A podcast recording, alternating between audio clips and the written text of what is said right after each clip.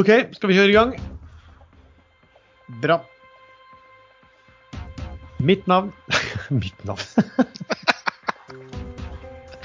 Godt du vet hva du heter. ja, ja, ja. OK. Velkommen til podkasten Aksjesladder. Mitt navn er Lars Branningen, i denne sammenheng kalt Reideren, og med meg har jeg, som vanlig Daytraderen Svein Egil Larsen, og også vararepresentant til eh, kommunestyret. Eh, og jeg er da manflu-syk. Veldig synd på Erlend Henriksen, Jallakongen. Eh, nå hadde vi også tenkt i dag at vi skulle ha med oss en svært aktiv aksjetreder som trengs. En sunnmøring med navn Sindre. Men Sindre er dessverre forhindret i dag. Finnes egentlig Sindre? Eller er det bare noe du fant på? Nei, det kan du jo lure på. Eh, han kommer kanskje aldri på Men kanskje vi skulle ta den disclaimeren før vi tar og skjemmer oss ut for hele verden? Ja, det er smart. Eh, kan ikke du ta den, Erlend, du som er i fin form? Jo, eh, ikke gjør som vi sier. Og hvis man er ektemann av politikere, så skal man i hvert fall ikke gjøre som vi sier. For det er, vi er helt uansvarlige, og det vil de også være hvis de gjør det. Ja, Vi ringer råd dersom du hører på hva vi sier her om markedet, aksjer, enkeltaksjer og livet for øvrig, er ansvaret helt og holdent ditt eget. Det kan forekomme feil i det sier i programmet, og panel og panelsgjester kan være langt, kort, direkte eller indirekte eksponert i aksjeselskaper og produkter som omtales i programmet, og vi gir altså ingen anbefalinger. Eh, Sven, har du lyst til å starte med valget, eller vil du starte med siste ukers handler? Nei, jeg må bare få komme med en eh, liten unnskyldning til alle som stemte på Høyre eh, rundt omkring. Fordi at eh, Høyre er jo blått, og du forventer jo liksom at en stemme på Høyre er en blå stemme. Men når du da er ferdig og, og telt opp, og liksom Yes, vi vant 1-0, og så liksom eh, kan, eh, kommer det liksom eh, Det jeg prøver å si, er at du går til sengs med noen du da egentlig ikke vil ha på laget. Så en blå stemme ender jo f.eks. i Sola eh, kommune opp med at du får hele regnbueflagget istedenfor bare blåfargen. Så eh, det at du Politikerforakt kommer bare til å stige når, eh, når alle dealer blir liksom gjort på bakrommet, både her og der. Og det er ikke bare i Sola. Det, de holder på i Sandnes. De holder på i nesten alle rogalandskommunene med dette tullet. Så det er jo ikke løye at folk ikke stoler på politikerne lenger. Så Nei, jeg, jeg, var litt Jeg var, var, til og med på valgvaken, godt humør og en sånn vanlig fornøyd liten blåsmurf der. Og så utpå kvelden så får jeg vite liksom at nei, vi går i kompaniskap med Arbeiderpartiet, Senterpartiet og KrF. da. Mens vi kunne gått sammen med eh, Frp og hatt 60% liksom, og alle hadde vært blå og happy. Så jeg ble litt sånn sinnasmurf der utpå kvelden. Hvordan kan det skje, liksom, Sånn politisk? Nei, jeg vet da faen. Jeg, jeg, altså, jeg har heller ikke fått den mailen som sa at etter valget så skal vi samarbeide med Arbeiderpartiet og Senterpartiet. Fordi jeg i fjor sommer så meldte jeg meg inn i Høyre etter at jeg fant ut jeg må ta rotta på disse her Høyre, nei, Arbeiderpartiet og Senterpartiet. For de kommer med så mye tull og tøys og politiske utspill som ikke henger på grep. Så det var min motivasjon for å gå inn i politikken. Få bort Arbeiderpartiet og Senterpartiet. Så det funka jo jævlig bra. Men da må du bare jobbe deg helt opp til topps i partiet. Ja, eller bare, eller, eller bare, gi opp. Jeg må aldri gi opp. nei, nei det, men dette skjedde jo i masse kommuner. Og jeg er bare redd for at det fører til at folk bare begynner å hate politikere enda mer. Så jeg er på, på, en måte glad at jeg ikke ble fast representant i, i kommunestyret. Men du ble kumulert godt oppover på, på lista, eller? Nei, det var ganske svakt, altså. Jeg, jeg, har gjort en svak valgkamp sjøl, så det var vel egentlig, egentlig bra. Bra for alle at jeg ikke kom inn. Men du la ikke full vekt bak eh, valgkampen din? Jeg la ikke hele kjøttvekta, nei. Kunne nok stått på litt mer og gått litt mer dørbank. og og, og, sagt de skulle krysse på mitt navn og ikke bare stemme på Høyre. Høyre gjorde det jo knallbra, han fikk jo 36,9% som uh, kanskje derfor Arbeiderpartiet kom inn. Uh, fordi at 36,9 er jo noe de kan relatere til. Men du vet at Sola er en sånn liten uh, promillekommune i, i, Norge, så det er veldig lite interessant for andre enn deg, dette her, da. Jo, men jeg har jo eh, greid ut om robotgressklipper. Og, uh, uh, jeg er opptatt av ting som jeg er opptatt av, hvis du skjønner. Ja, det skjønner jeg. Vi skjønner det. Du, um, Ja, men nok, nok om det, da. Eh, vi får bare Men akkurat, altså Når folk liksom kjøper en vare, så er du veldig, for, uh, veldig opptatt av at det skal være en bra produkt og, og sånn. Eh, Ellers kan du gå tilbake til, med å bytte den. Med et valg Du kan jo faen ikke gjøre noe ting på fire år. Nei, ikke du heller. Du kan få ikke lov å trekke det. Du. Du sier du kan gå ut av partiet, men du Jo, jo, får kan ikke lov å. Men da blir du sånn uh, enslig vara. Eller partiløs. Partiløs Kasteløs. Kasteløs, ja. Ja.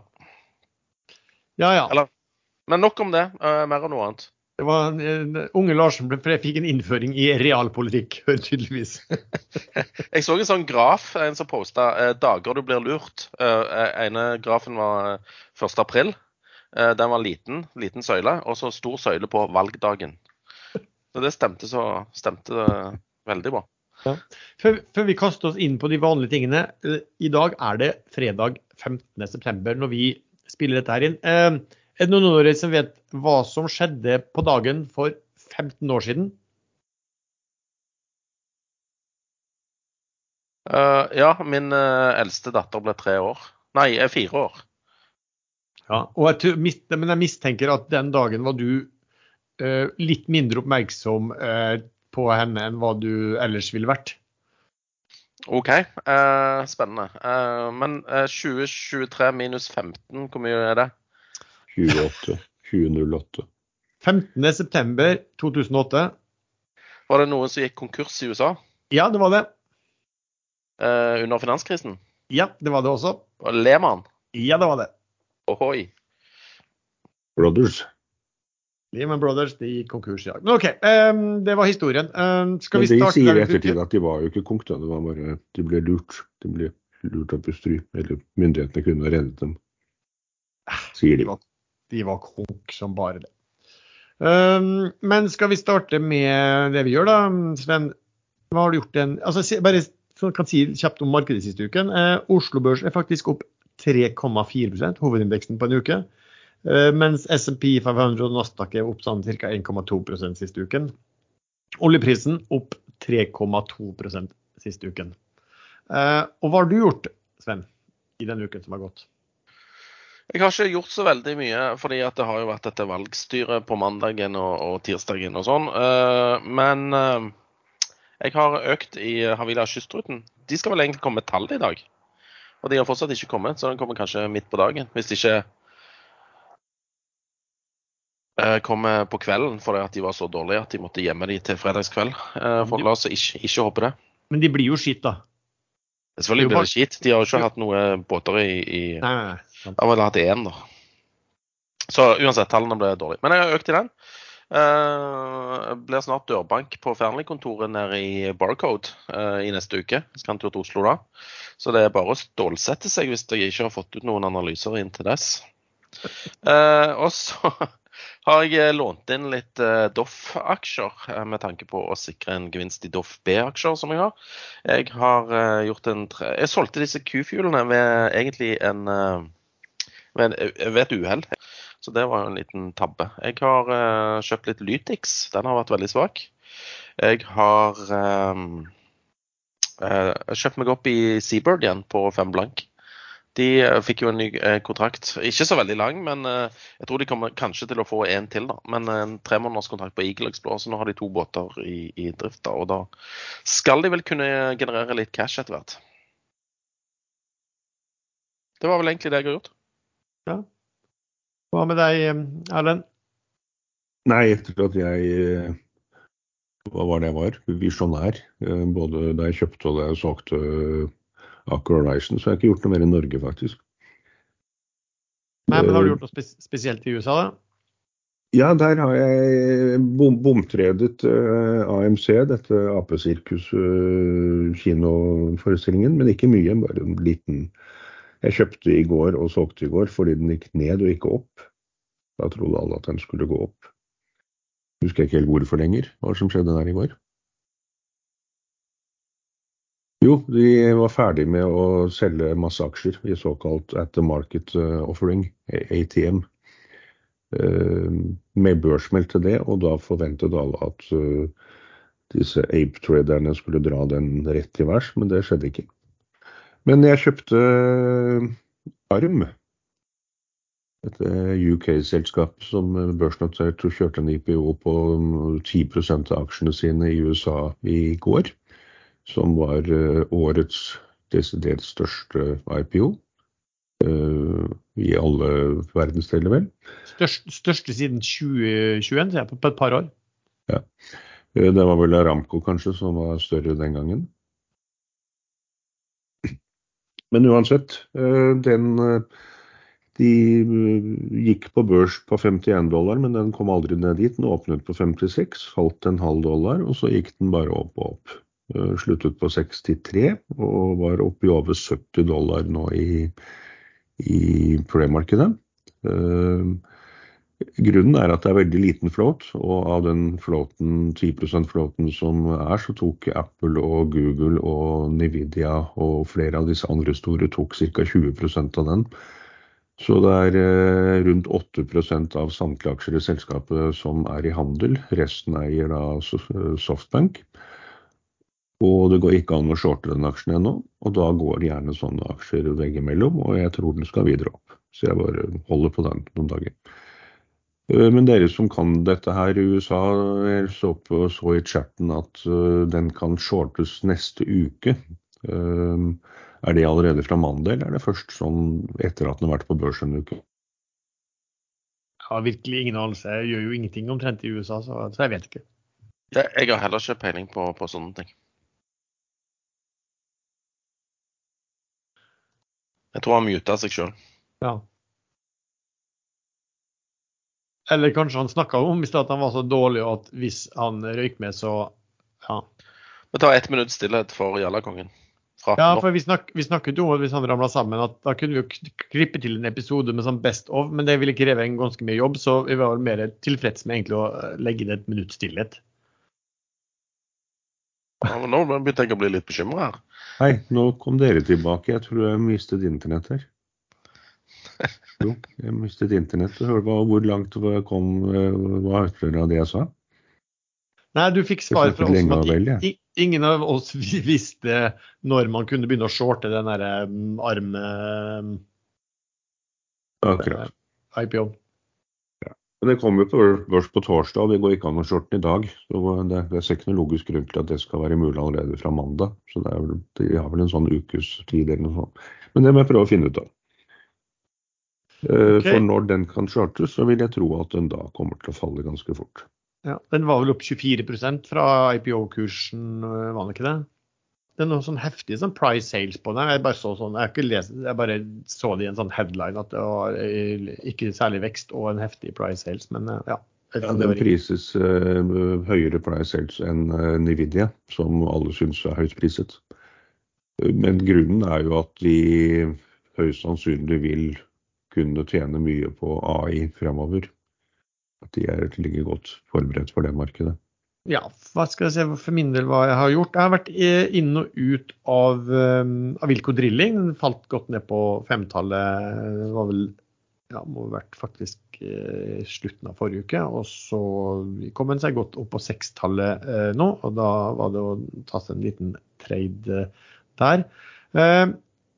Siem Offshore gikk noe voldsomt, ehm, og da fant jeg ut at eh, Så litt på, på regnearkene og litt sånt der, og fant ut at OK, eh, nok er nok. Kanskje den da kommer til å eh, å falle litt tilbake. Ehm, for den har steget så veldig kraftig. Men det har den egentlig ikke gjort. Den har vel fortsatt opp en 2-3% til fra mitt salgsnivå. Og så den DeFi Driller har steget veldig mye og, og, og, begynner kanskje mer å nærme seg de andre i forhold til hva en implisitt prising. er. sett noe regneark på det, så der reduserte jeg i hvert fall litt eh, beholdningen på det. Det har vært en kjempefin eh, reise. Um, ja, solgt litt grann i Doff. Først og fremst bare fortsett å kjøpe i eh, standard ETC, altså SDSD og Saga, rabattkongene. Um, der kan jeg jo nevne at SDSD altså Nå har jo den steget mye pga. Um, analyser og, og, varsel om mulig kontrakt i Dolphin Drilling. Så i dag så var nettoverdien, altså, og den er jo veldig enkel å regne ut, Naven i uh, SDSD, den var på 2,96 per aksje. Den var faktisk over 2,97 et stund også, og den er på 1,91 eller noe. nå. Um, ja, kjøpt litt Saga, uh, og også fortsatt å kjøpt litt uh, uh, Petrolia. Sånn sett. Men ikke noe sånn ja, fortsatt på de som jeg hadde ganske mye fra før, rabattene. Og så har jeg vel egentlig sittet og ja, sett meg rundt og vært fornøyd med, med kursøkningen, i hvert fall på, på mye av uh, oljeserviceselskapene. Sven, ingen action innen uh, emisjoner eller nedsalg denne uken heller? Nei, jeg sitter og venter på to som har uttrykt eh, et snarlig kapitalbehov. Det er gode gamle Golden, uh, Golden Energy og, og de. Og um, ASA, Atlantic Sapphire. Jeg vet ikke om de sliter med å få det gjort, eller hva det, hva det skyldes. Men det er båter som skal betales, og fisk som skal drepes, holdt jeg på å si. Så de må vel raske på litt. Ja. Nå har jo, altså, Golden Energy er jo, er jo supply, og det er vel PSV-er de har. Og, og, det markedet, altså aksjekursene til andre har jo steget veldig pent i den siste perioden også. Men det betyr jo ikke at folk er villige til å åpne lommeboka for den, min, den, minste aktøren, som er litt dominert kanskje av en av Outree også. Men er det noen andre du har sett som Ja, Problemet i Geos er jo at påliten er én krone. De kan ikke sette den lavere uten å skrive ned eh, aksje, altså skrive ned pålydende. Og det er jo en prosess som da må gjennom en eh, generalforsamling, i så fall. Da kan det bli et fantastisk vacuum case hvis de må innkalle til generalforsamling før de kan ja. Eh, utstede nye aksjene. Men tror du, at, tror du at den emisjonen er blitt satt så veldig mye under én eh, krone i så fall? Og den var jo nedpå nesten én krone her i Den ligger på 1,04, og 4% rabatt det er, jo, det er jo lite i et sånt selskap. Ja. Men de kan vel kanskje løse det ved å gi noe warrants uh, til da også minimum én krone litt fram i tid. Ja, ja de, de, må sukre, sukre pillen litt. Uh, mm. Hvis ikke disse Oaktree gir de et brolån eller et eller annet fram til de må betale disse båtene. så tar de Men hvorfor skal man stole på at ikke Oaktree nå benytter sjansen til å sikre seg i mye større andel av selskapet for billigst mulig penger? Nei, det kan fort skje, det. Uh, noen andre du har merka det, Sven, som, som, har kommet med informasjon som tyder på, tyder på noe sånn snarlig emisjon? Nordic Unman driver jo og, og, prøver å frigjøre midler. Teco 2030 driver jo og selger egne aksjer uten å opplyse om det. Uh, for de trenger tydeligvis ikke gjøre det. De, men de, de, ble konfrontert med det i en avisartikkel og sa at ja, de trenger penger. Så de to kanskje. Så spørs det om de i det hele tatt klarer å finne penger. Folk virker å være litt sånn lei av grønne, grønne drømmerier. Ja, TK har jo vært ganske flinke til å jeg, hente penger på, på, bra nivåer. Men jeg ser nå senest på tirsdag så solgte de jo ikke så mange aksjer, men de, de fortsatte jo å selge eh, aksjer da. Og så kom de jo da eh, i går med en Altså, jeg vet ikke om Så du Sven, den, den, den avtalen de meldte? Fra TK, så du på den, Sven? Jeg så de skulle inngå et samarbeid med noen. Jeg leste kun overskriften. Nei da, det var noe som heter Ferosa Green Shipping AS. Eh, de hadde Aha. inngått leveranseavtale som de skrev en, en fast leveringsavtale for, for, sånne grønne pakker på seks fartøyer. Og hver pakke skulle da koste um, var det 23 millioner euro per skip. Så det er jo en avtale på 138 millioner euro, som jo er ja, Det blir jo da langt 1,5 milliarder eller et eller annet sånt. Men altså, når jeg begynte å se på dette her, så, så for min del så tenkte jeg at det her, om, om noen firm avtale er luftig, eh, så er det det her. Fordi at eh, dette, de inngikk avtale med et selskap som er registrert i foretaksregisteret i juni. Eh, og avtalen er med forbehold om at de får finansiering. Og disse eh, motparten eh, er i det de kalte i prosess med å bestille skip.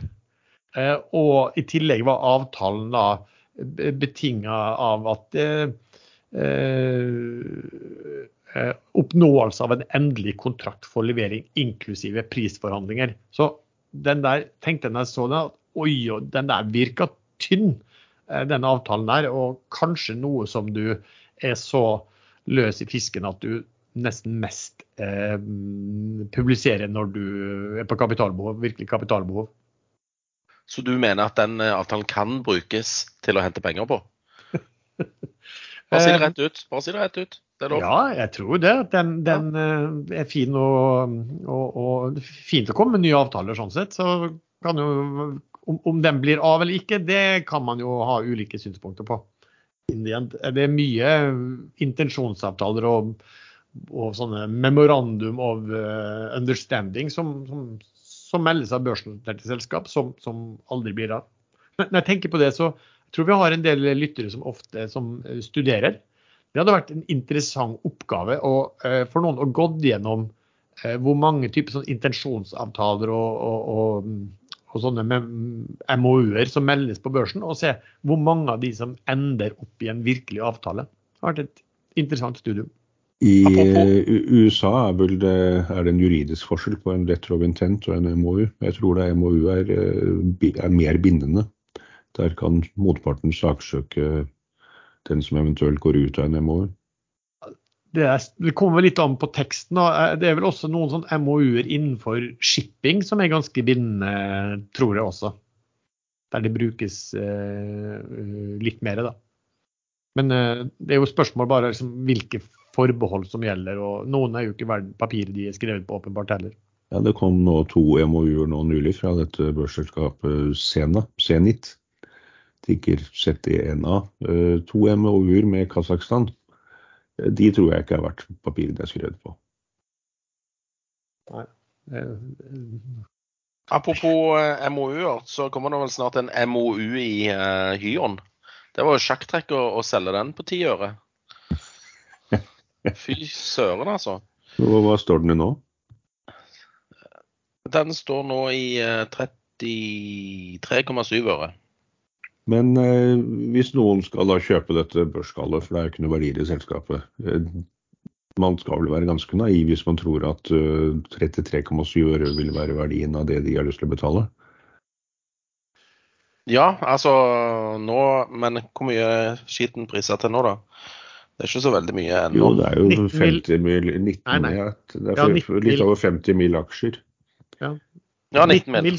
19 mil, ja. Og de har jo ikke mer cash igjen. Eh, det kan vel, Når de er ferdige med å betale lønnen og Et par mil for børsskallet. Det er jo det er growth-selskap, det har jo ikke vært veldig mye penger. Jo, fem, men fem. nå skal jeg fortelle deg om trikset. Det de kjøper, blir priser høyere.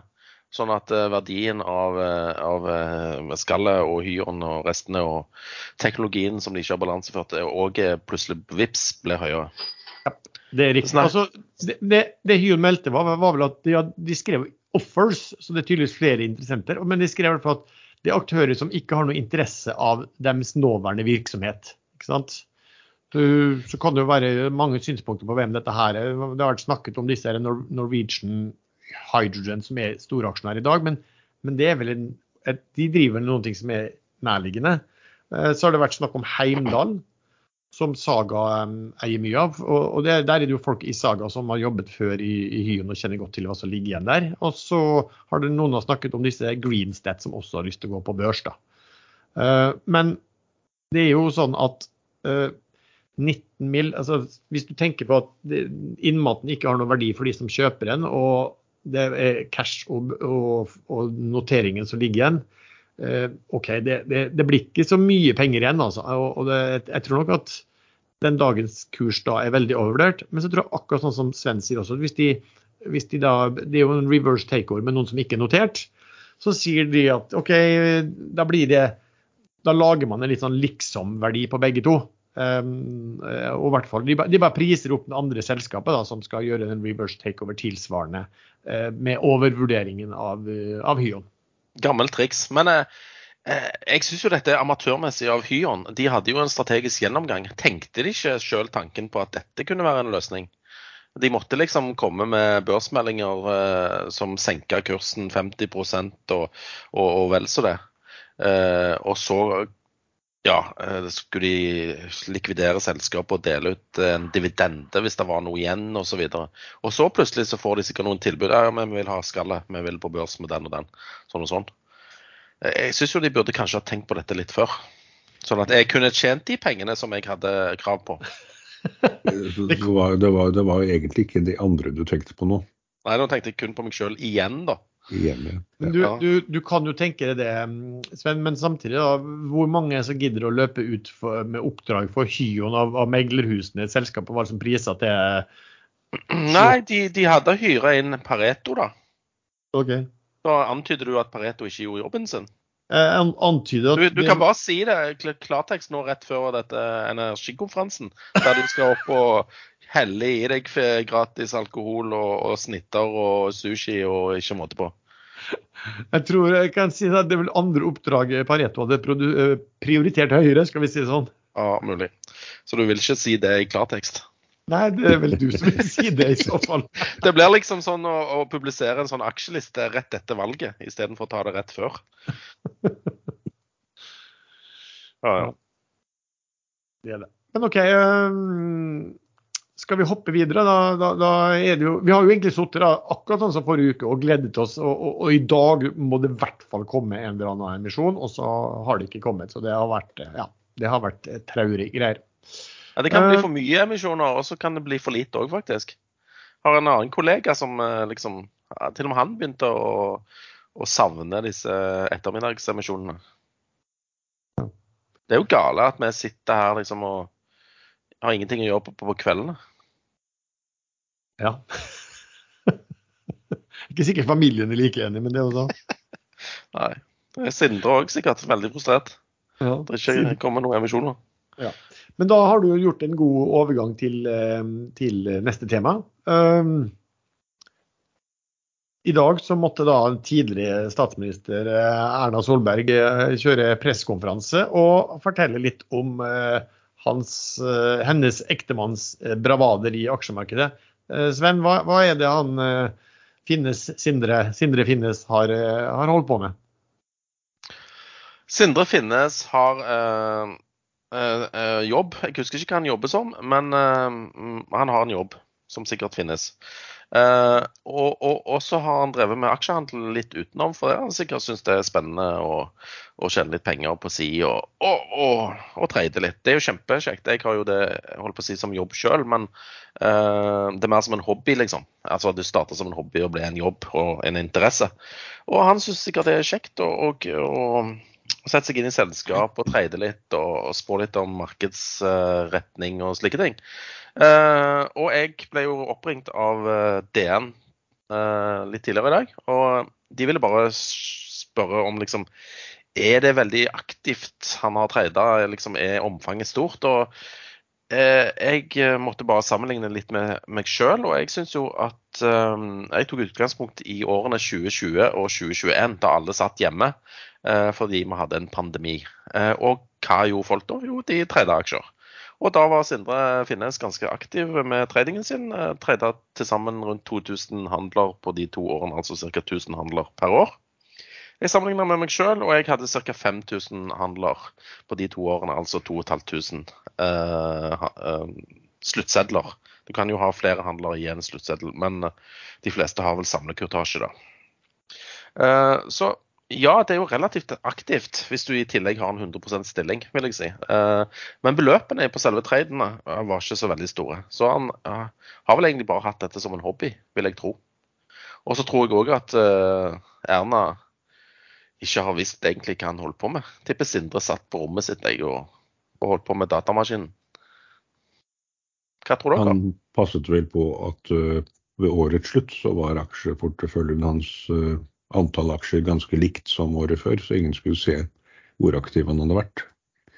Så han har jo bevisst prøvd å skjule dette. Men ja, ja, jeg men... syns kanskje han burde endre etternavnet sitt fra nåtid finnes til fortid eh, fantes. Ja. Det kan jo være arbeidsgiveren han også lurer på om finnes Sindre? Hvis han er så aktiv med, med å trade aksjer. Nå skal jeg være litt slem her. Eh, Da Erna tiltrådte i 2013, da kom eh, litt overraskende vel kanskje på mange at mineralnæringen skulle være det nye satsingsområdet. Og da satt faktisk han finnes i, i mineralindustrien, og han, hadde- han hadde en høy stilling der. Hvis man går tilbake i hans treder til eh, før sommeren 2013 og ser om han har tredet f.eks. Nordic Mining, da begynner det å bli ille. Nå aner jeg ikke om han har gjort det, men eh, det lukter litt som at han kan ha vurdert det å bruke innsidekunnskapen sin til å, å trede. Jeg så at Nordic Mining faktisk var på listen over aksjer han hadde handlet eh, i 2013. Var det det? Ja. Kødder du nå? Nei, jeg tuller ikke. Nei, da, dette er stygt. Dette er grisestygt. For da har han både sittet i høyt ø, posisjon i mineralnæringen selv, og visst at Erna kommer til å kjøre mineralsatsingen opp som det høyeste punktet på agendaen. Du vet jo ikke at han visste det, eller vet du det? Han kan ane det, man kan anta det, men du Ja, man kan anta. Uh, indisier kaller man sånn.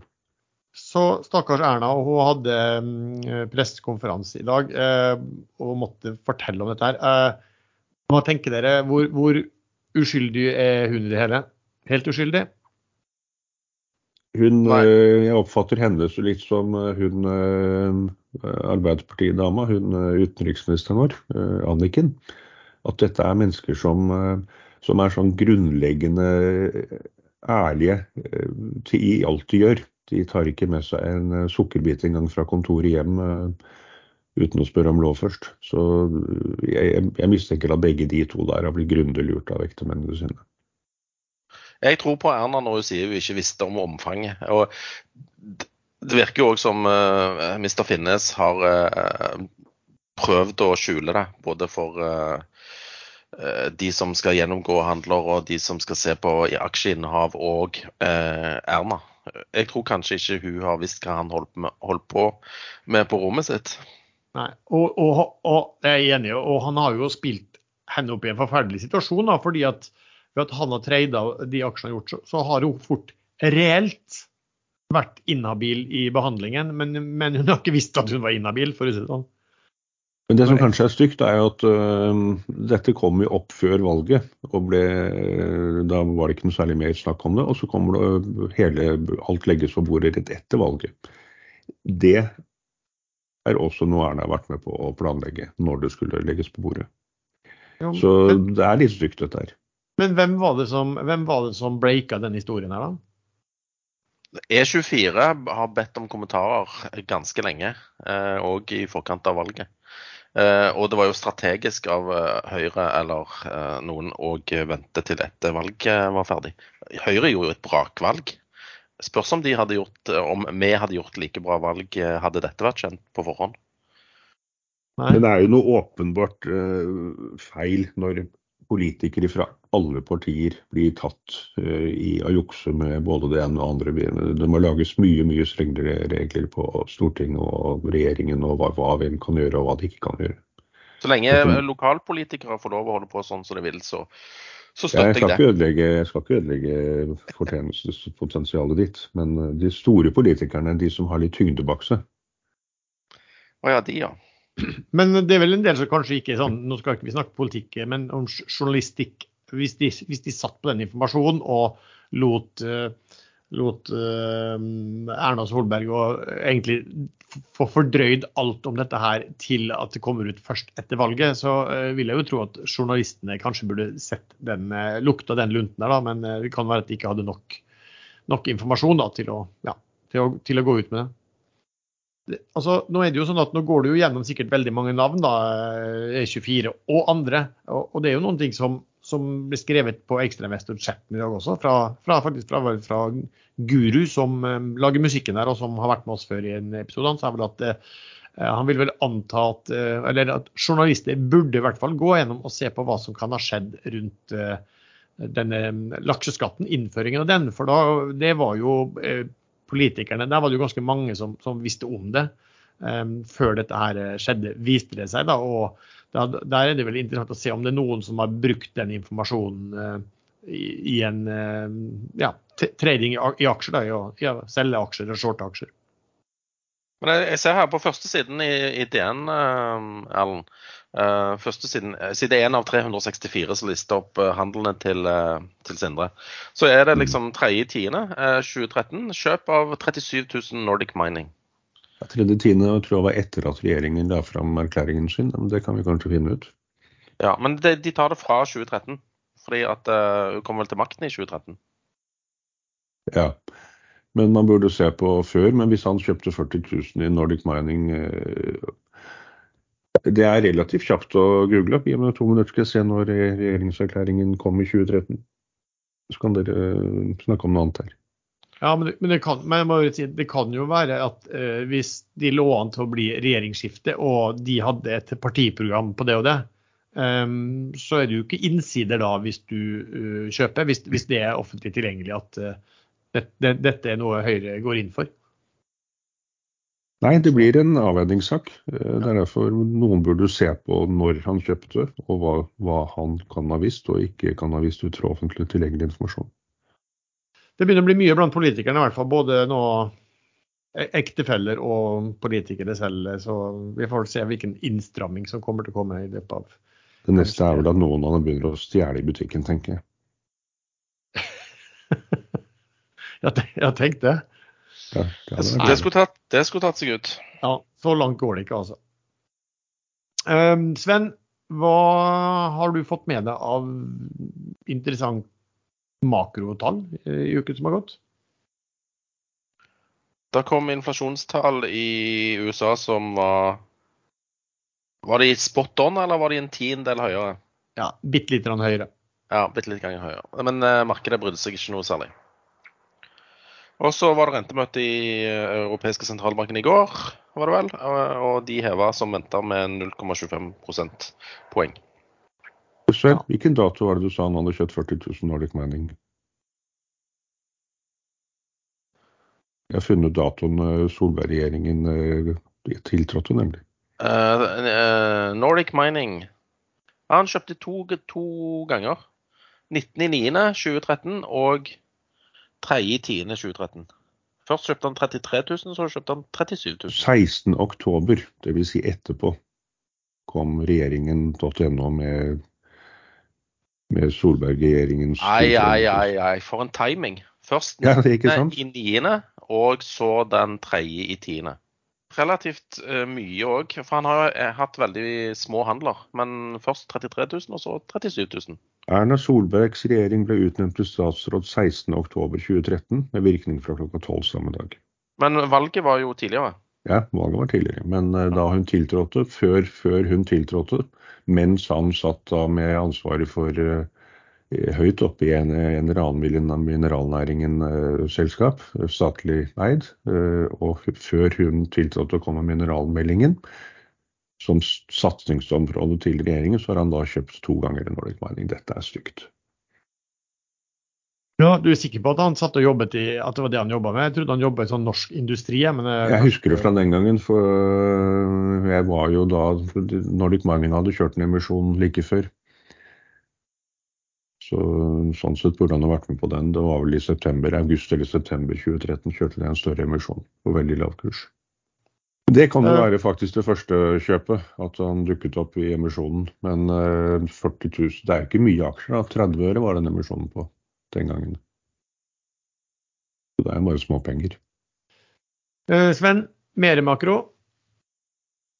ECB var, var, det helt Det var litt usikkerhet på det, men det vel, den ble økt, og markedet reagerte jo ikke noe negativt på det heller.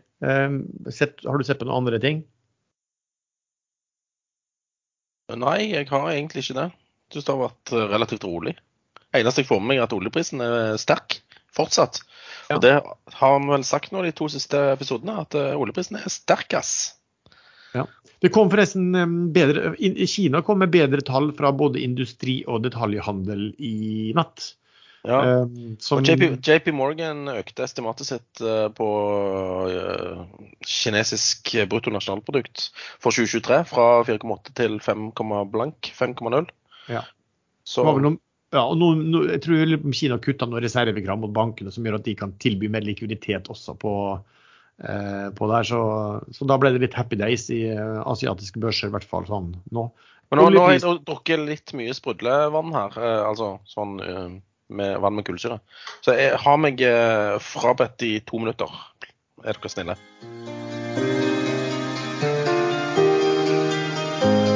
Aksjesladder sponses av tradingmegleren IG, som er børsnotert under tikker IGG og har en markedsverdi på ca. 35 milliarder kroner. Der vil du, som kunde, kunne trade på 17 000 markeder. På IG kan du trade med Turbo24, som er verdens første døgnåpne turbowarrant. Dermed får du uavbrutt tilgang til de finansielle markedene fra mandag til fredag, selv når underliggende marked er stengt. Turbowarranter også kjent som turboer eller turbosertifikat, er verdipapirer med giring. Prisen sporer en underliggende finansiell aktiva én for én, og du kan gå long eller short. Så du tar i bunn og grunn en giret posisjon på om prisen til aktivumet du har valgt, stiger eller synker. For hver trade velger du et knockout-nivå, punktet der du ønsker å gå ut dersom markedet snur seg mot deg. Dette bidrar til å bestemme kjøpsprisen for turboen, som vil være ditt maksimale potensielle tap. Det vil si at du har kontroll over din risiko, og at du alltid vet hva du maksimalt kan tape på hver Turbo24-trade fra begynnelsen av. Turbo24-posisjoner kan altså være basert på enkeltaksjer, indekser, råvarer eller valuta. Åpne en konto kostnadsfritt på ig.com, eller last ned IG-appen i dag. Men husk at all trading involverer høy risiko.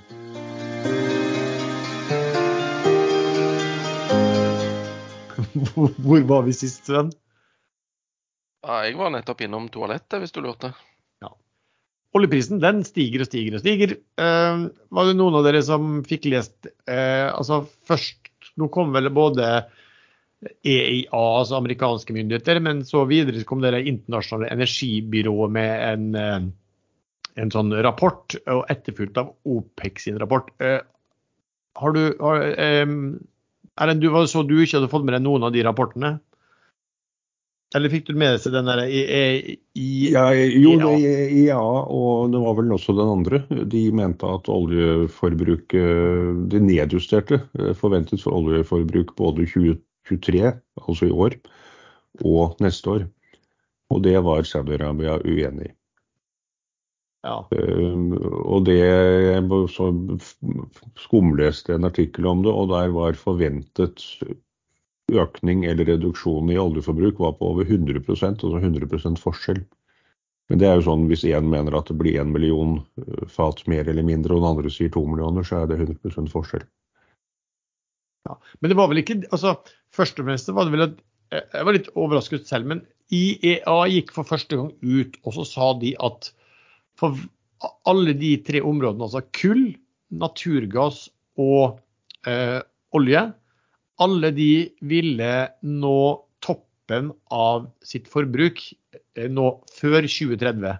Jeg, jeg, tror de før har bare snakket om at det var bare kull som ville gjøre det, eller, og, og det skulle skje i 2034. Men nå sier de at alle tre skal skje det før 2030.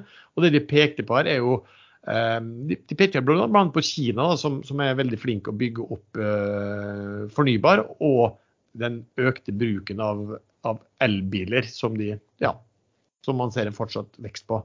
Uh, men så kom OPEC og var irritert på dette her. Sven, fikk du sett hva OPEC hva, hva var det de reagerte på, egentlig? Nei, vet du hva. Jeg, eh, jeg, eh, leste ikke den linken, eller innholdet i den linken som, som du posta der på dette her. Men jeg er litt forundra, eller litt sånn overraska over at Erlend har lest en rapport. Jeg tror ikke han har lest en rapport siden aktuell rapport var tilgjengelig i bladhyllene. Men da leste han gjengjeld mye? ja, det er akkurat som de som kjøpte Playboy for å lese artiklene, det. Ja, men, altså, det var jo Playboy så sikker på at det var derfor de kjøpte Playboy. At eh, da de fikk ny sjef, så fjernet han alle nakenbildene. Men det funka ikke så bra.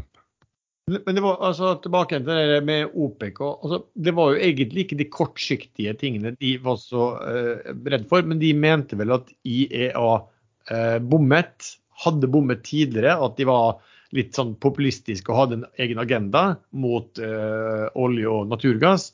Og at de var redd at hvis folk trodde på dette her, så var de redd for at det kunne, kunne bli underinvesteringer i bransjen og altfor dyr eh, energi i framtiden.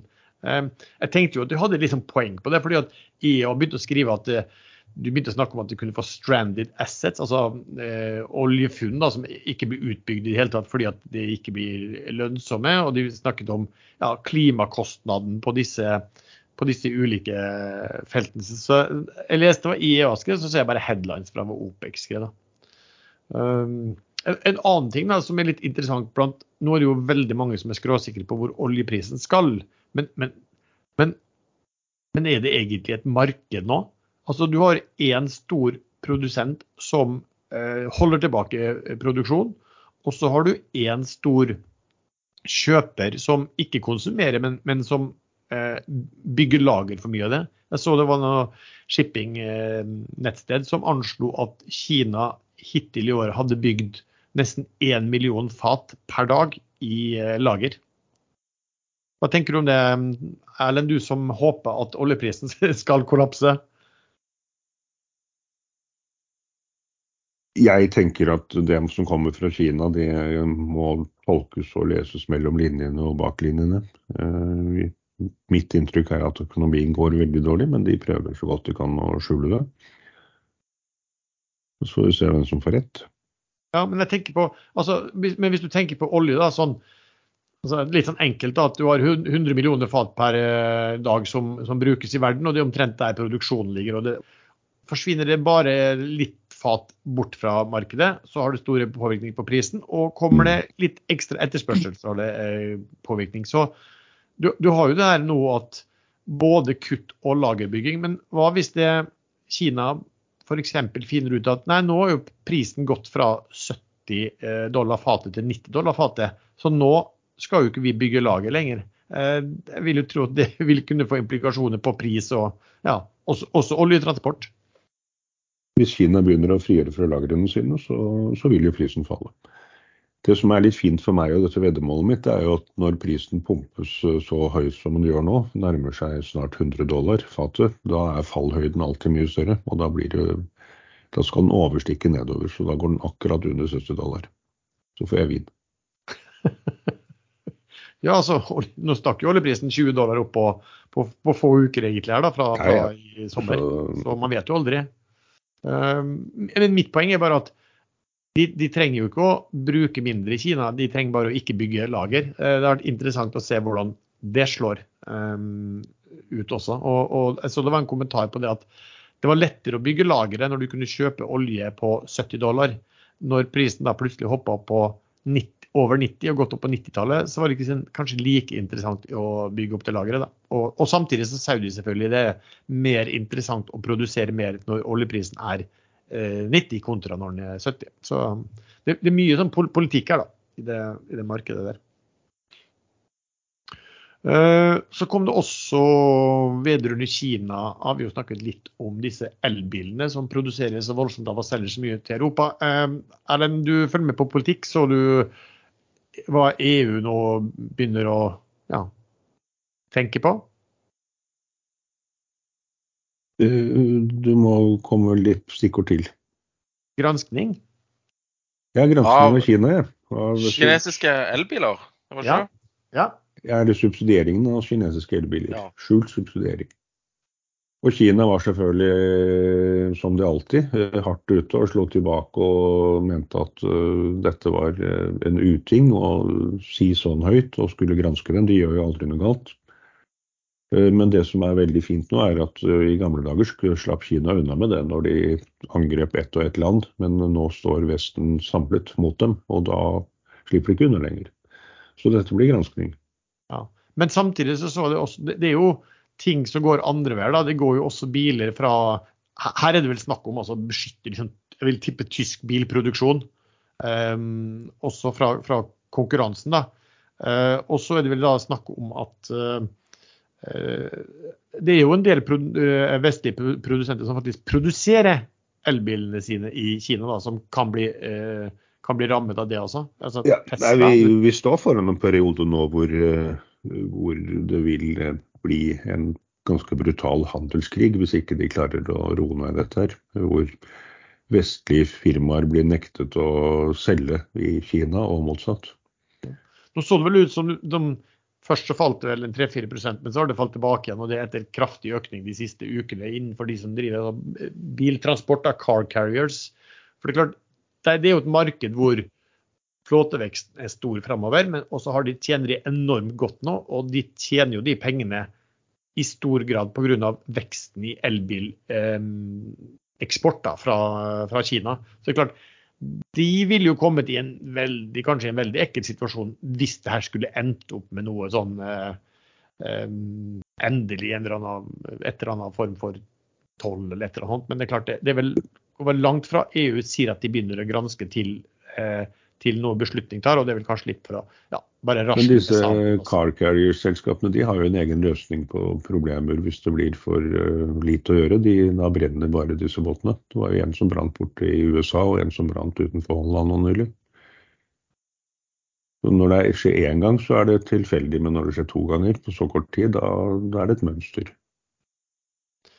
Du, um, Sven, et par ting vi glemte når vi snakket om eh, emisjoner. Det var at det er meldt et par selskap på vei mot børs. Har du, har du noe forhold til dem? Det ene er Matvareekspressen, jeg vet ikke hva det var, og det andre er Norconsult. Nei, jeg har brydd meg lite med Norconsult. Men er ikke det sånn type multikonsult-klone? Uh, Uh, jo, det tror jeg. Det er vel, det er vel, de driver vel sånn ingeniør- og konsulentvirksomhet, uh, de også. Uh, litt i samme som Multiconsult og Goodtech til dels, kanskje. Ja. Nei, jeg brydde meg lite. Det er jo ingen emisjoner, så de kan jo fylle på med noen i IPO-er for å få litt gang på noen greier. Så, men ikke, ikke satt meg inn i verken det ene eller andre. Det, det gjør vi ikke før vi faktisk ser dokumentene. Jeg tror man skal sette seg litt godt inn i det. for Jeg har en mistanke om at Norconsult kan være veldig, veldig bra. Ok. Ja, og det blir i hvert fall, jeg tror det var, var det noe som antydet at det skulle prises til en 4,5 milliard. Det blir i hvert fall bra å få, alltid bra å få nye selskap uh, på børsen, og, og skikkelige selskap som har god omsetning og, ja, og bra inntjening også. Vi har som vanlig da fått en del spørsmål fra lyttere. Et spørsmål er Det eh, en som spør om Hyon, faktisk. Eh, kan vi se muligheten for at det kommer en første AI-notering faktisk via Hyon? Og vil da eventuelt sånne som gjør en sånn reverse takeover, vil de kjøpe aksjer i forkant for å sørge for at de har nok aksjer til å få aksept? Tenker du, Sven? Bryr meg veldig lite om Hyon for øyeblikket. De kan gjøre hva faen de vil for min del. Det kan komme all slags der, og det har vi jo vært inne på litt tidligere. Kan, om de kommer til å kjøpe aksjer i forkant for å kunne stemme det gjennom, jeg vet ikke. Men eh, største eier der har jo litt aksjer, så hvis de er med på laget, så tror jeg det går helt fint. Men tror du at det kan komme noe, noe AI-relatert? Ja, hvorfor ikke? Det er jo i, i vinden, for å si det mildt. For det, apropos AI, vi har jo snakket om før den som var den naturlige AI-aktøren på Oslo Børs, var jo det som heter IFI. Eh, som jeg, kanskje noen husker jeg tok opp og for eh, Når var det? Det var, vel, var jo tidlig i år, det. Februar-mars sikkert. Og den gikk jo Det var i år, og den, den gikk jo veggimellom på den hausingen. Ja, i hvert fall på, på at var, var mer på hva de skrev selv i årsregnskapet sitt. Men den gikk vel fra 4 til 15 eller et eller annet, og falt tilbake og ned til 7-tallet i går. Uh, I går så kom det en veldig uh, spesiell, spesiell artikkel fra Finansavisen må jeg si, der de hadde om at kjendisenes IT-mygg kan bli cashflow. Og så var det noen utregninger da på hvor mye de kunne tjene, som tok utgangspunkt i hvor mange som hadde registrert seg gratis til, uh, til en tjeneste. Og der de bare ganga opp det med at tenk hvis de betalte 25 dollar i måneden, da blir det mye penger av det. Og, det en, var en litt jeg ville si at det var en litt ellevill optimistiske tall. Og I tillegg så var det vel noen feile beregninger der. Men kursen den dundra jo opp. Og Det er jo litt sånn tegn i tiden. Det kommer, noen, det kommer en artikkel som ikke er noe nytt, men om noe selskap. Og så smalt den kursen opp. Den var opp 57 i går, før den endte opp 29 eh, Men det som var litt interessant, var at jeg fikk melding av noen som hadde klikka på den lenken, for vi hadde jo kommentert det der at det var litt spesiell artikkel på, på um, Ekstra Investor sin chat. Eh, og på kveldingen når man klikka på den lenken, så ganske riktig, den gikk ikke noen steder. Finansavisen hadde trukket tilbake denne artikkelen. Personlig så synes jeg at når artikkelen åpenbart har medført så sterk kursøkning, så burde de kanskje fortelle at, eh, ja, at den var feil, istedenfor å bare trekke den tilbake i, eh, i, all, i all stillhet. Da. Så, Hvor mye var det du regnet ut at ekstra Invest ville være verdt hvis du brukte de samme, samme tallene på Nei, det var, var litt sånn tull, men det var bare at hvis alle som var innom noen av uh, ekstrainvestor sine flater eh, La oss si at alle de vil betale 25 dollar i måneden, liksom. Så tror jeg um, Jeg husker ikke om det var 400 millioner i overskudd eller et eller annet sånt, eller 300 millioner i overskudd. Og, og jeg syns jeg kjører 100, 100 ganger på den, da, sånn som uh, arm. Uh, ja. Ja, ja, ja, ja, ikke sant. Er, men, så, da kommer du opp i billion dollar company, da. Det er ikke gærent.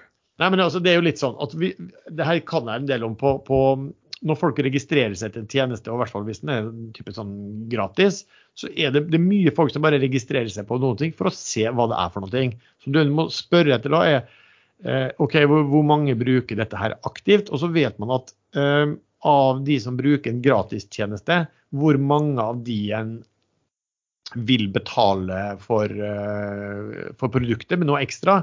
Eh, og det er også da ofte en liten prosentandel på det. Så, så det liksom måtte man nesten ta høyde for det. Da. Men faktisk at ja, Nå er det stort sprang her, da, men eh, den er faktisk videre opp i dag.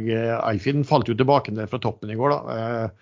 Og, men den er videre opp. Så, så, og jeg så den falt en del i dag, og så så det ut som det kom et sånn push nesten for å, bare for å pushe aksjen opp. Um, så jeg blir jo ikke forundret hvis det skal komme mer kanskje artikler her, da. For det, det, dette er jo et selskap som også er tom for penger, som det ser ut nå, egentlig fort innen nyttår. Så vi, så vi får se. Men det spennende det er altså hvis de treffer på, den, på de AI-relaterte eh, løsningene sine, eh, og kombinerer det med det de har fra før, så kan det bli, kan det bli veldig bra. Et annet spørsmål kan du ta, Sven. Skjelf tror du de kommer til å ende opp med å kjøpe opp eh, og ta tilbake, ta inn igjen Sednes? SDNS? Selskapet har vel egentlig hinta til det. Eh, når de kjøpte disse um, Nordsjø-riggene fra Var det TransOcean eller var det Noble? Jeg husker ikke. Nei, den amerikanske de kjøpte de av så tror jeg egentlig de hadde hatt lyst til å tatt det inn under skjelf, men ikke hadde nok finansieringsmulighet til å gjøre det, sånn at de henta penger i et nytt selskap for å kunne finansiere denne biten. Så uh, på lang sikt, eller mellomlang sikt, så tror jeg nok de, etter at de får refinansiert lånene sine, som forfaller er vel neste år det òg, at de tar over hele Sadness. Kanskje med oppgjør i Shelf-aksjer, vil jeg tippe. Ja, så da ville du si at da ville du heller ligge Hvis du skulle velge hvilken av de aksjene du skulle eie, så ville du eie, eie den som blir eh, overtatt enn en den andre, eller er det ikke så enkelt? Det er vel enkel logikk sier at den som blir kjøpt opp, uh, er den du skal eie. Men uh, ingen garanti for at uh, dette blir en, en, slags De eier vel fortsatt en god del av Shelf North Sea? Uh, også et spørsmål om voldgiften i Nodel. Uh, har du noe oversikt på det, Sven? Nei, det har jeg ikke. Eh, jeg gikk jo på en smell i denne Avilko Drilling. Der jeg liksom kjøpte aksjer fordi han falt plutselig. Og så viste det seg at den første arbitrasjen var ferdig, og de tapte. Nei, det er binært case, altså. Det er vinn eller forsvinn. Ja, Tenker du på Nodel eller på Begge to. Begge to. Ja. Men Nodel er vel der Fredriksen har tatt eh, posisjon, er det ikke det? Fredriksen tror jeg har mye bedre uh, makt overfor disse verftene enn det som Avilko, altså Wilhelmsen-familien har. Altså, det er en slags Wilhelmsen-familie, dette, er det ikke? Men det er ikke den VVI-familien. Det er ikke Wilhelm Wilhelmsen, det er A. Wilhelmsen som eier ja, de, de, er jo, de, er jo, de, er jo, de som er store på cruise og alt der, på Avilco Drilling. Men Avilco Drilling har jo, de hadde jo to sånne. og um, sånne som er da til uh, i tvist og til uh, hva heter det, voldgift. Uh, og den, den, første er jo avgjort, den tapte de jo, så der er det jo, enige igjen. Uh, også... Nei, men Nodel er jo veldig binært, de òg, da. Altså Enten så vinner de, og aksjonærene får masse penger. Eller så taper de, og så er det verdt null. Ja. Og ikke noe tegn. Man skulle kanskje tro at når Fredriksen kom inn at det var for at de skulle få gjøre et eller annet forlik allerede, men kanskje ikke. Ser ikke slik ut. Vi bruker å få spørsmål om, og nå kan da ta en pause, gutter, for det bruker dere å blir jo sånn, litt sånn enetallet, men vi får spørsmål om um, å gjøre en sånn enkel regnskapsanalyse. Um, og jeg liker jo å ta de tallene, altså de som ja, opptil flere spør etter, og gjerne noen som vi ikke har sånn veldig kontroll på selv, for da blir det jo litt morsommere. Tenkte jeg skulle snakke om Norbit denne gangen. Um, kurs 61, så er de priser på 3,7 milliarder. Aksjekursen opp 117% i år. Um, og de har, sånn, hadde ca. 800 millioner i omsetning i første halvår. Um, de har tre segment. Uh, de heter det som heter Oceans, som er da sonarer og software for CB matting og uh, hydrogen uh, Et eller annet graf, et eller annet jeg skrev. Og så har de noe som heter Connectivity. Det er da de har løsninger for asset identification, tracking og monitoring. Um, der er blant sånne brikker i uh, biler som man kan uh, ta via stasjoner og via satellitter.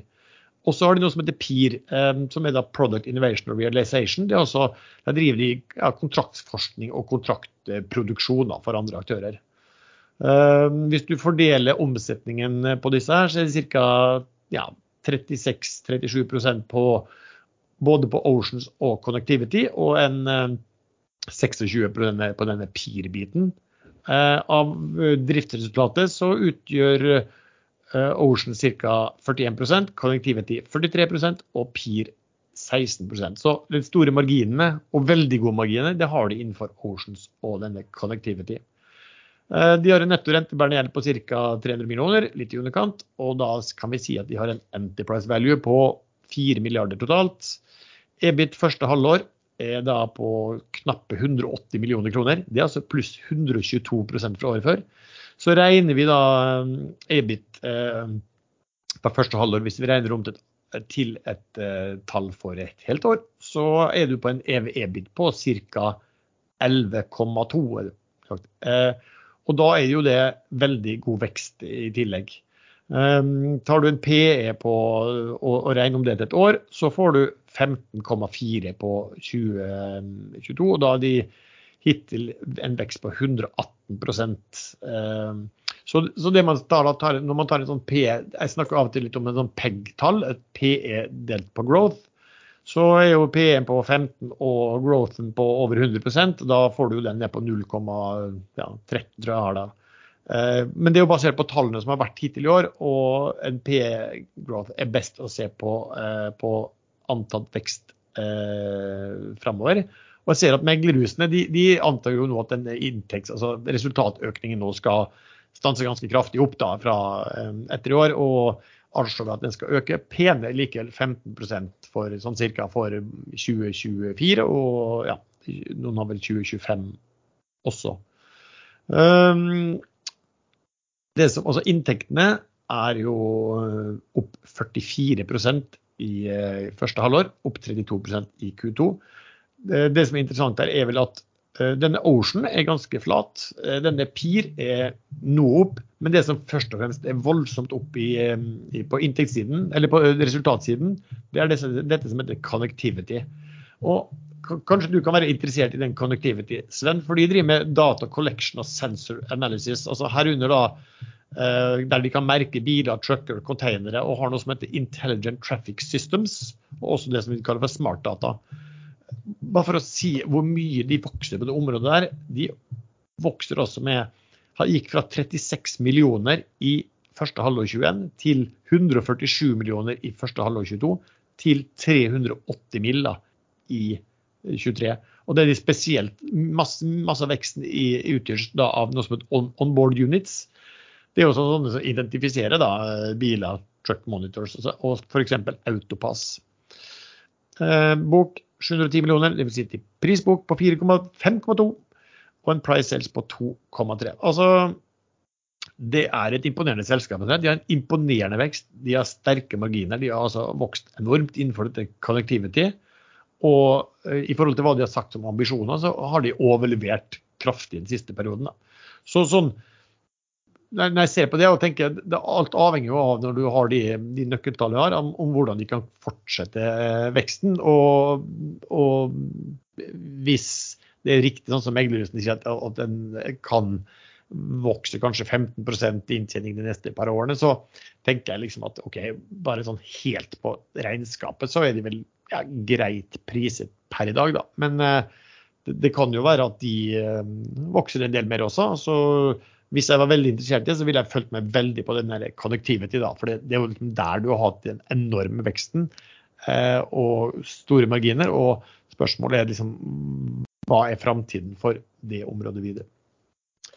Det var litt om Norbit. Og derfor, Sven, jeg tenkte skulle si om Norbit, er at vet du hvordan de er i forhold til Du bruker jo like Q-fly, og de har vel også sånne, sånne intelligente trafikkgreier. Men de har jo ikke fått noe penger ut av det?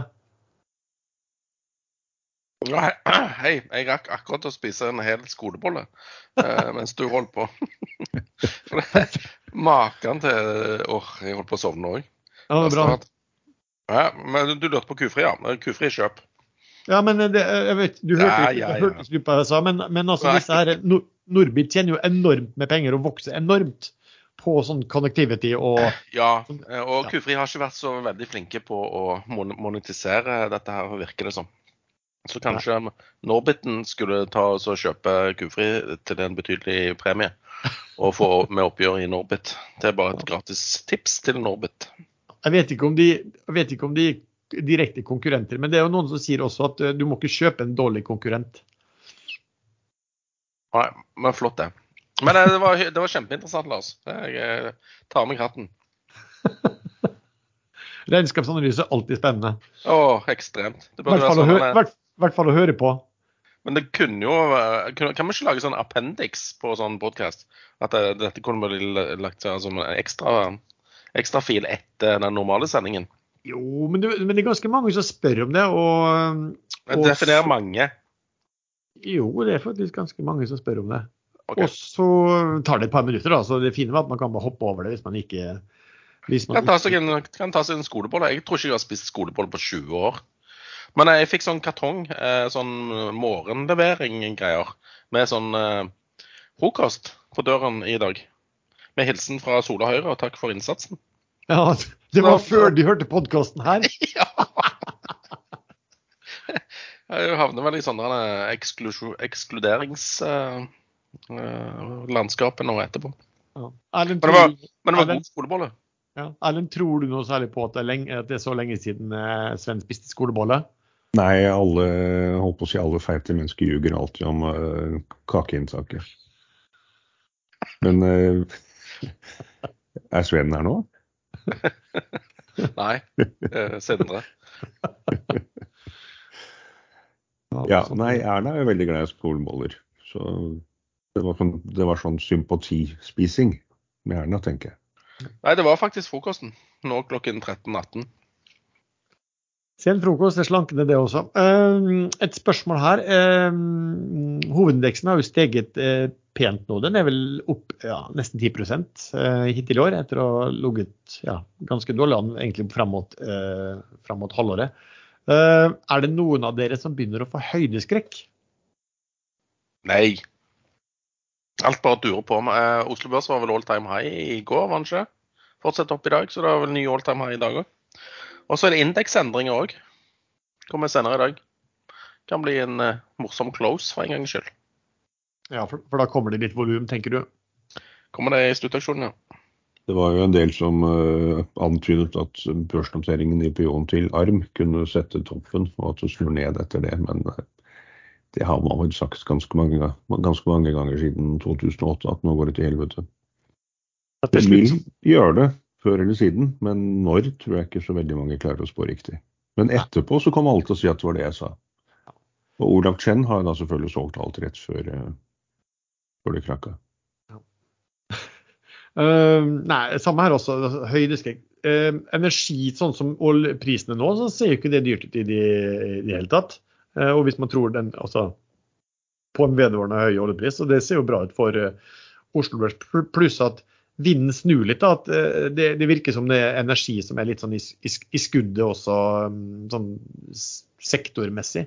Så ser jo det bra ut for Oslo Børs. Men så, så, sånn at vi snakker om oljepris, en råvare som er ekstremt påvirka av politiske beslutninger. og så, Sånt kan jo skje, snu eh, veldig fort. og Det er jo akkurat den type beslutninger som gjør at eh, type oljeanalytikere gjerne bommer ganske grovt på når de skal eh, estimere eh, pris. Da.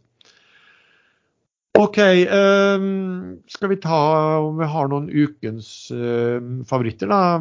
Sven, er det noe spesielt å følge med på? Som jeg sa tidligere, så har jeg kjøpt uh, tilbake Seabird. Um, de har vel antydet at de skal begynne med tilbakekjøp, men det skjer vel ikke uh, før tidligst mot slutten av året. Men um, ja, jeg får se om uh, interessen tar seg opp igjen. Han har vel ramla fra rundt 5,40, som han var oppe i når uh, de annonserte den siste avtalen, ned mot 5 blankt, hvor han ligger nå. Uh, så kanskje kjøpe den på svakhet. Ja, og så må vi jo dra fram til det kjedsommelige i denne her Havila kystruten, hvor analytikerne tydeligvis har lese- og skrivevansker, eller uh, har venta til tallene som skal komme i dag, uh, er ute før de foretar seg et eller annet. Men av nye ting så Greit å følge med på Doff. Doff har kapitalmarkedsdag på tirsdag. Der kan det komme jeg vil tippe det kommer gode nyheter. De gjør det i forbindelse med energikonferansen til Pareto. Jeg skal selv på den kapitalmarkedsdagen der. Og så får vi se om det er da siste push opp før disse nye aksjene kommer 2.10. Ellers så må vi følge med på grønne aksjer med akutt kapitalbehov som ikke klarer å hente penger. De er det en del av.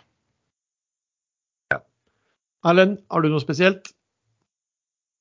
Jeg følger jo med på et par av disse gamle, gode traverne fremdeles. Jeg ser at Ensu har steget litt, eh, batterigreiene. Og de har meldt, børsmeldt at de har fått til stackingen av dette batteriet sitt i 11 etasjer. Men de må opp i 44 er det vel, før det blir noe eh, sigar ut av det.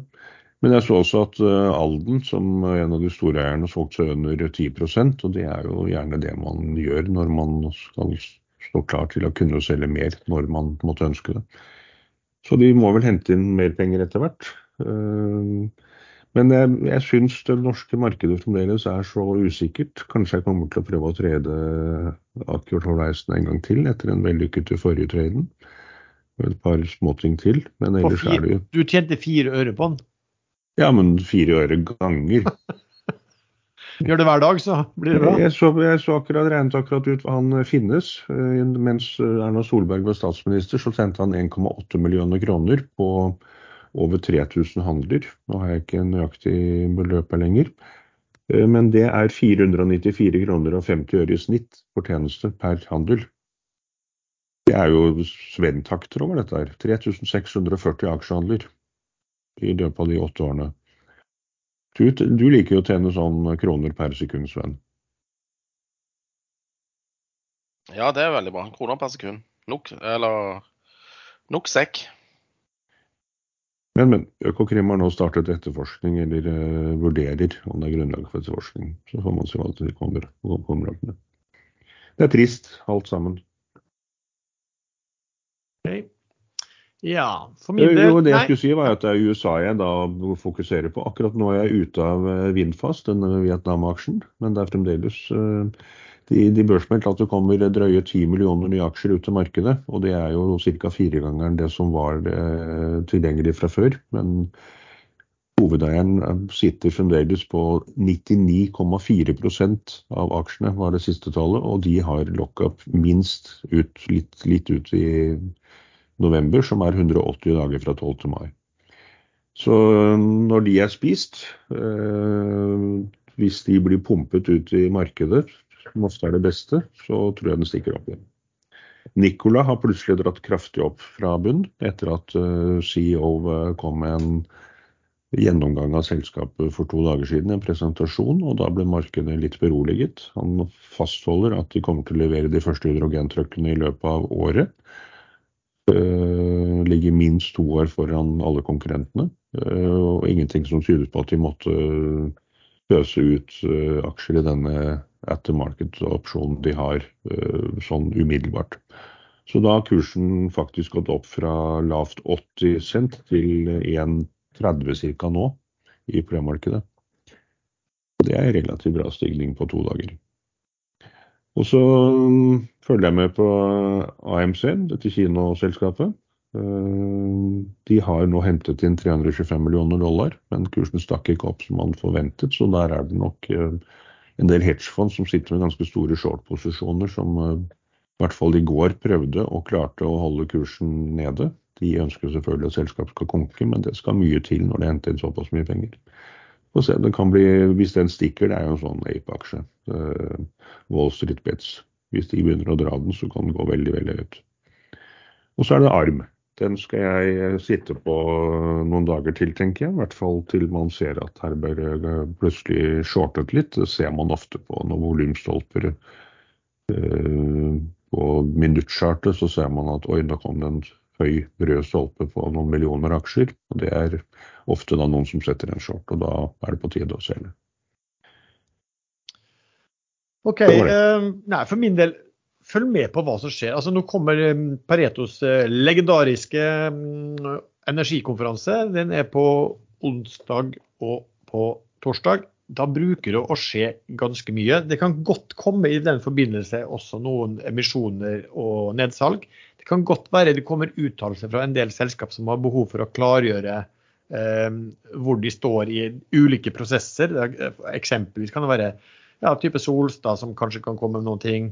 Eh, jeg mener at Aker Horizon også skal være der. De holder på med den restruktureringen sin av mainstream. altså Uttalelser som, som, kan få store virkninger på, på selskap.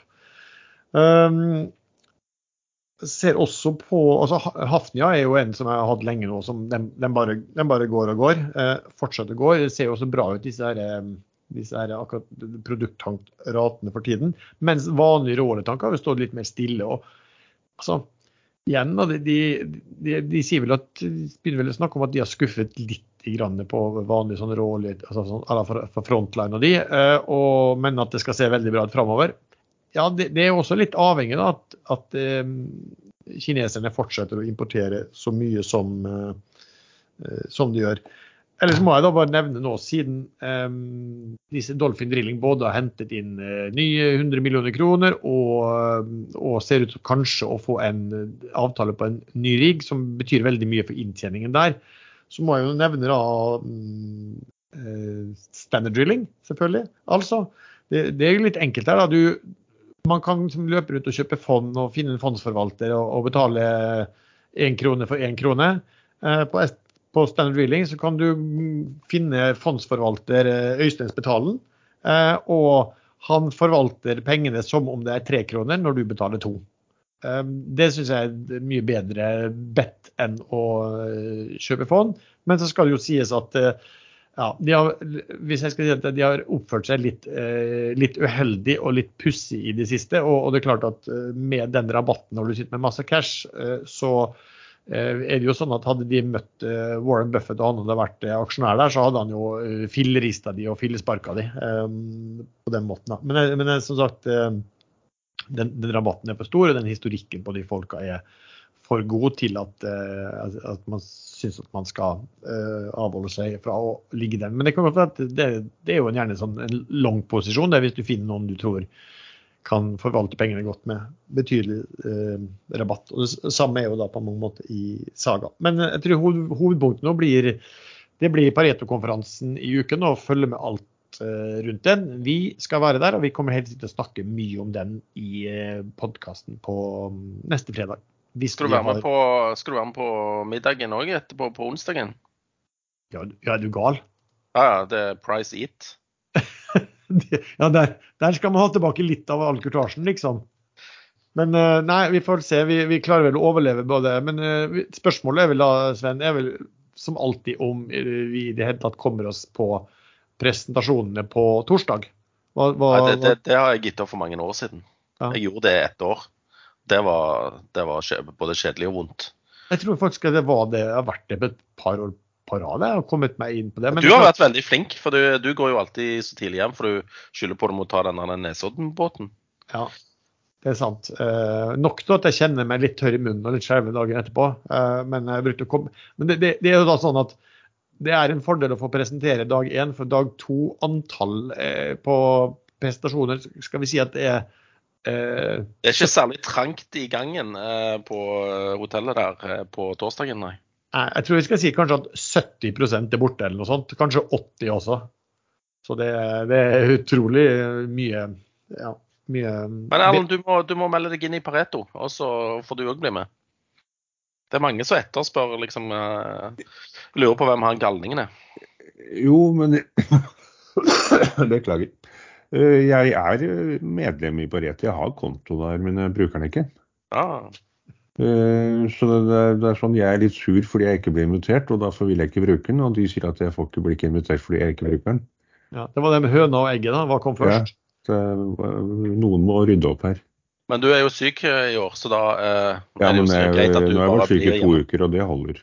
Det var, det var, faktisk snakk om å ha en innspilling eh, av aksjesladder under eh, konferansen, men, men, det ble litt vanskelig å få, eh, å få gjennomført. Og, og, og, vi er jo kanskje mest opptatt av å gå rundt og få hørt på de ulike vi kan jo lage, vi kan jo spille inn et lite innslag derfra som vi fletter inn i ja, hvis, hvis, jeg blir invitert, da vel å merke. Så det her kunne det blitt kjempereklame for Pareto hvis de hadde invitert meg. Eh, hint, hint. og det, det måtte jo bli spilt inn selvfølgelig fra buffeen etterpå. Ja. Ekstrainvestor tilbyr børsnoterte selskap å presentere seg via våre flater. På tirsdag 19.9. klokken 11.30 kommer Lifecred til å holde en oppdatert selskapspresentasjon ved CEO Joakim Holter. Etter en rekke vesentlige gjennombrudd på produktutviklingen, starter selskapet nå med produksjonsforberedelser. Lifecare er et norsk børslistet Medtech-selskap. Selskapet fokuserer på utvikling og kommersialisering av en ny implementerbar sensor for langsiktig og kontinuerlig glukoseovervåking. Selskapets mål er å gi en smertefri, nøyaktig og praktisk glukosemåling med lang brukstid til daglig bruk for pasienter med diabetes. Det globale markedet består av over 500 millioner pasienter. Du kan se sendingen live eller opptak på Ekstrainvestors Facebook-side eller på incurate.com. Dersom du vil ha stilt spørsmål til selskapet, så kan du gjerne sende det inn til info at ekstrainvestor.com. OK. Uh, nei, da tenker jeg vi uh, Det er ikke noe mer dere har lyst på å fortelle nå, gutter? Bra. Da takker jeg så mye til deg som har lyttet til denne episoden. Du treffer stadig oss tre chattene inne på Ekstrainvestor. Vi har også en gruppe på Facebook som heter Podkasten Aksjesladder. Musikken er som vanlig laget av sjazz.com, og vi høres.